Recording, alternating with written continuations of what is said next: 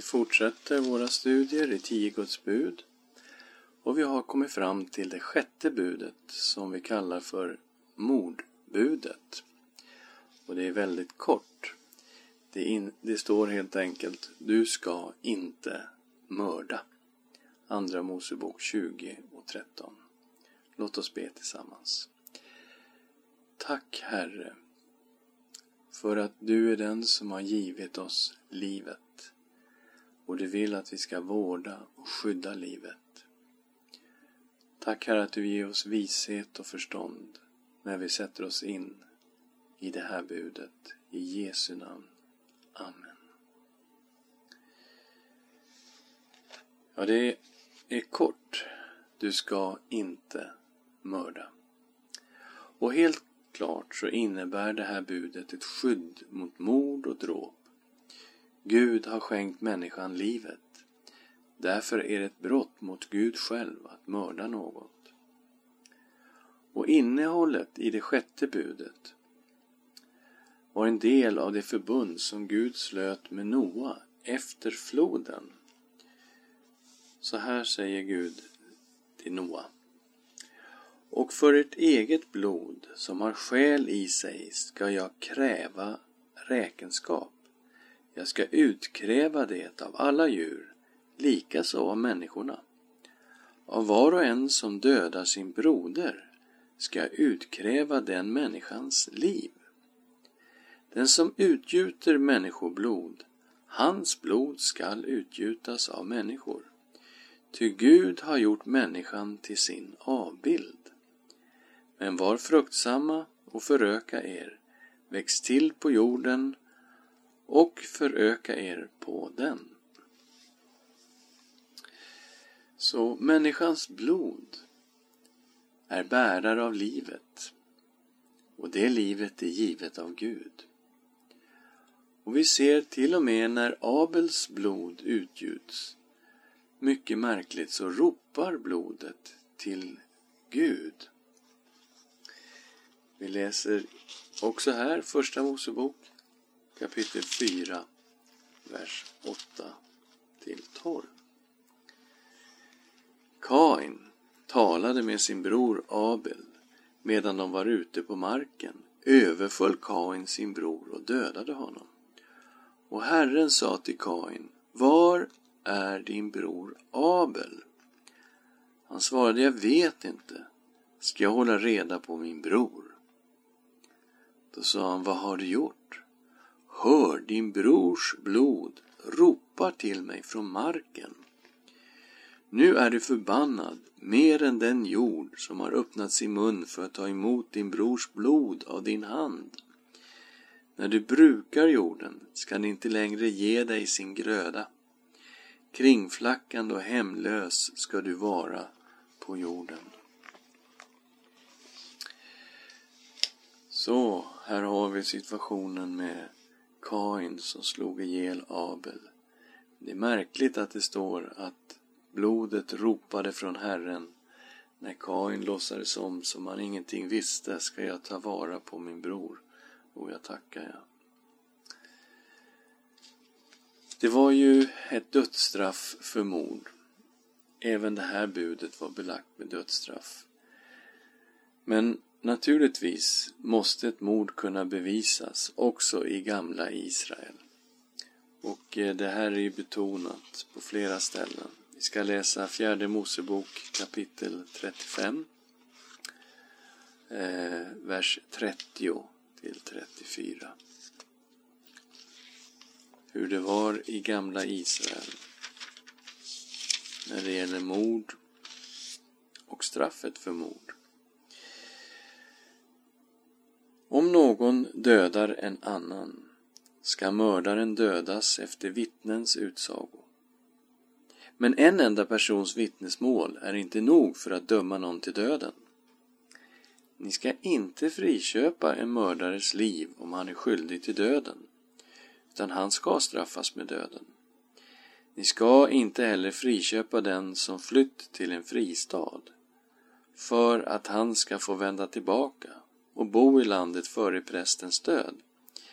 Ni ska inte ohelga det land där ni bor, Genom blod ohelgas landet och försoning kan inte bringas för landet för det blod som utgjuts där, utan genom blodet från den som har utgjutit den. Ni skall inte orena landet där ni bor och i vars mitt jag har min boning, ty jag, Herren, bor mitt ibland Israels barn. Här är ju ett, ett märkligt språk som vi inte är vana vid. Detta med att hela Israel såg som en organism, som en kropp med många lemmar. Och att landet var en del av den här helheten, en del av organismen Israel. Så att själva landet eh, ohelgades när ett brott begick, begicks. När folket levde i synd, då sörjde själva landet över synden. Det är en märklig tankegång, svår för oss att ta till oss. Att hela landet var som en del av organismen Israel.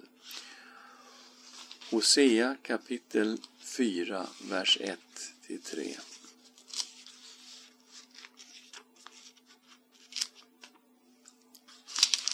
Hosea 4, vers 1. Hör Herrens ord, ni Israels barn. Ty Herren går till rätta med dem som bor i landet, eftersom ingen sanning och ingen kärlek och ingen kunskap om Gud finns i landet. Man svär och ljuger och mördar och stjäl och begår äktenskapsbrott. Man far våldsamt fram och blodsdåd följer på blodsdåd Därför sörjer landet och allt som lever där tynar bort, både djuren på marken och fåglarna under himlen, och till och med fiskarna i havet förgås. Här räknas upp synder. Det handlar om att man bryter själva budorden, man svär och ljuger, alltså man håller inte budet om att inte vittna falskt mot sin nästa, man mördar och stjäl, man begår äktenskapsbrott, så här kommer flera av buden fram. Och landet sörjer. Och allt som lever där tynar bort. Till och med djuren på marken och fåglarna under himmelen och fiskarna i havet förgås. Allt blir berört när synden kommer in i Israel. Om ett mord hade begåtts i Israel så berörde det brottet hela organismen, hela Israel. Om blod utgjuts i ett mord så återställdes balansen om mördarens blod sedan utgjuts som betalning. Allt enligt principen öga för öga, tand för tand, liv för liv. Alltså en form av millimeterrättvisa. Det här med rätten till blodshämnd på mördaren eller dräparen eh, kunde ju hända, det kunde ju alltså hända en olycka. Att någon blev dödad oavsiktligt, att det var en olyckshändelse. Och för att rädda livet på den som oavsiktligt orsakat någons död så inrättades i Israel sex fristäder dit man kunde fly för att söka skydd. Och det här ser vi i fjärde Mosebok 35, vers 9. Herren talade till Mose. Han sa Säg till Israels barn när ni har gått över Jordan och in i Kanans land ska ni utse åt er städer som ska vara fristäder för er dit en dråpare som av misstag dödat någon ska kunna fly. Dessa städer ska ni ha som tillflyktsorter undan blodshämnaren, så att dråparen inte dör innan han har stått till rätta inför menigheten. Av de städer ni ger dem ska sex städer vara fristäder. Tre städer ska ni välja på andra sidan Jordan och tre städer i Kanans land. De ska vara fristäder. Israels barn och främlingen den inneboende bland dem ska ha dessa sex städer som tillflyktsorter, dit var och en som av misstag dödat någon ska kunna fly. Men om någon slår en, en annan till döds med ett föremål av järn, då är han en mördare. En sådan ska straffas med döden. Så fristäderna, de var till för eh, om det skedde någon olyckshändelse på något sätt. Redan i Gamla testamentet fanns en tydlig koppling mellan dråp och hjärtats hat. Det ser vi i tredje Mosebok kapitel 19. Att man ska inte ha hat i sitt hjärta. Inte tänka onda tankar mot människor. Att det här är emot egentligen det här budet. Tredje Mosebok 19 och 16. Du ska inte gå med förtal bland ditt folk. Du ska inte stå efter din nästas blod. Jag är Herren. Du ska inte hata din broder i ditt hjärta.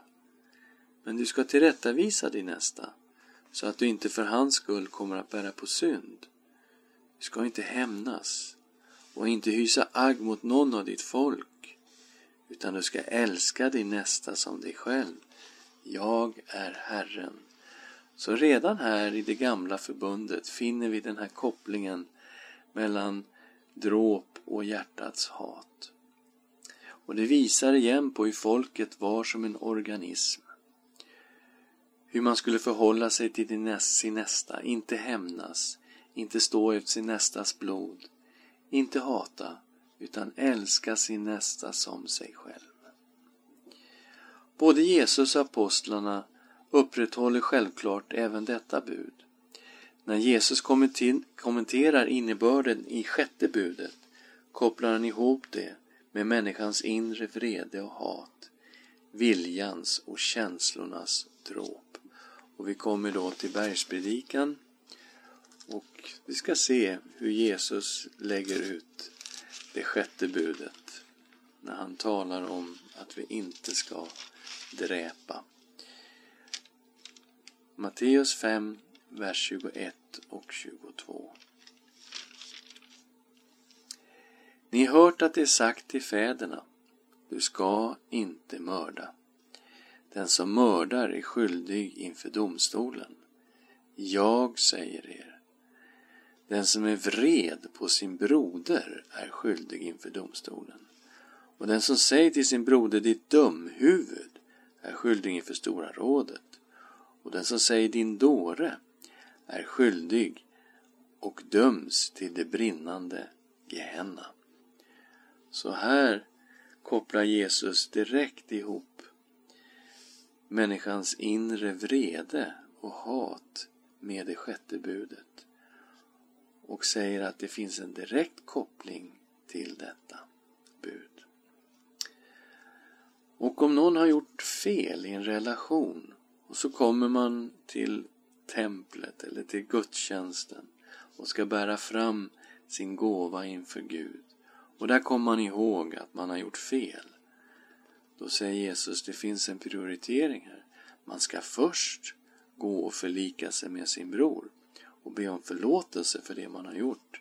Sen kan man bära fram sin gåva. Det duger inte att bara komma fram inför Gud med en gåva och veta att man har gjort fel mot sin nästa. 5.23 av Matteus. Därför, om du bär fram din gåva till altaret och där kommer ihåg att din bror har något emot dig, så lämna din gåva framför altaret och gå först och försona dig med din broder och kom sedan och bär fram din gåva. Här ligger ju en prioritering. Att först be om förlåtelse. Att först försonas om man har gjort fel mot någon. Och sen bära fram gåvan. Det här med att be om förlåtelse och att förlåta, det är ju en jätte jätteviktig sak.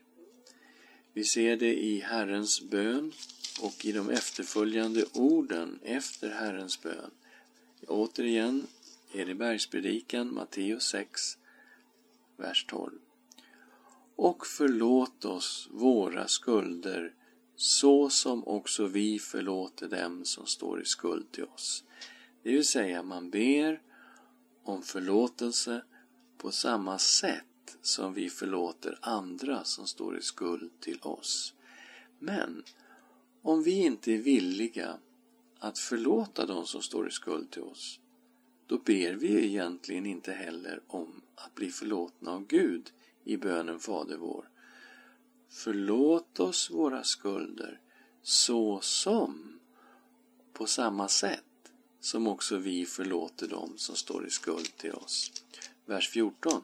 Ty om ni förlåter människorna deras överträdelser ska er himmelske fader också förlåta er.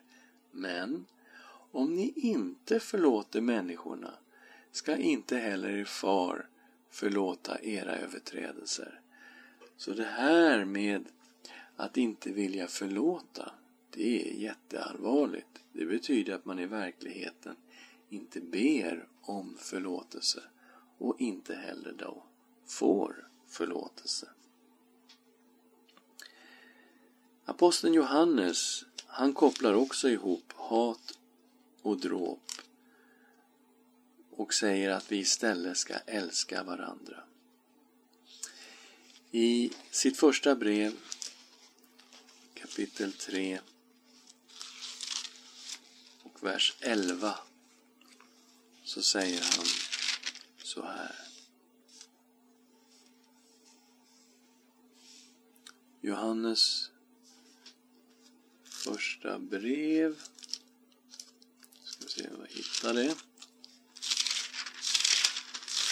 Kapitel 3, vers 11. Till detta är det bud som ni har hört från början, att vi ska älska varandra och inte likna Kain, som var den ondes barn och mördade sin bror. Och varför mördade Kain honom? Jo, därför att hans gärningar var onda, men hans brors var rättfärdiga. Bröder, var inte förvånade över att världen hatar er. Vi vet att vi har gått över från döden till livet, ty vi älskar bröderna. Den som inte älskar är kvar i döden. Den som hatar sin bror är en mördare, och vi vet att ingen mördare har evigt liv i sig. Genom att han gav sitt liv för oss har vi lärt känna kärleken, så är också vi skyldiga att ge vårt liv för våra bröder. Om någon har denna världens tillgångar och ser sin bror lida nöd men stänger sitt hjärta för honom, hur kan då Guds kärlek förbli honom? Kära barn, låt oss älska, inte med ord eller fraser, utan i handling och sanning. Så, här ser vi ju att Johannes kopplar ihop hat med dråp och han lyfter fram att vi istället ska älska varandra. Att inte älska, det innebär att inte vilja hjälpa en bror eller syster i nöd. Han är jättetydlig på den. Så, vi förstår att budet handlar om att skydda mänskligt liv. Människan skapades till Guds avbild. Därför är mord ett direkt brott mot skaparen.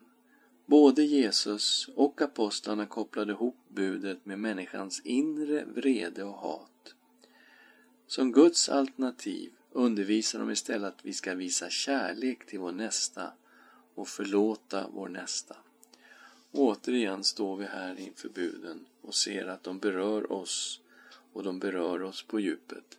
Man tänker att man har ett bud framför sig, du ska inte mörda. Ja, där går man väl fri, inga problem. Men också det här budet berör oss verkligen på djupet. Ska vi be tillsammans.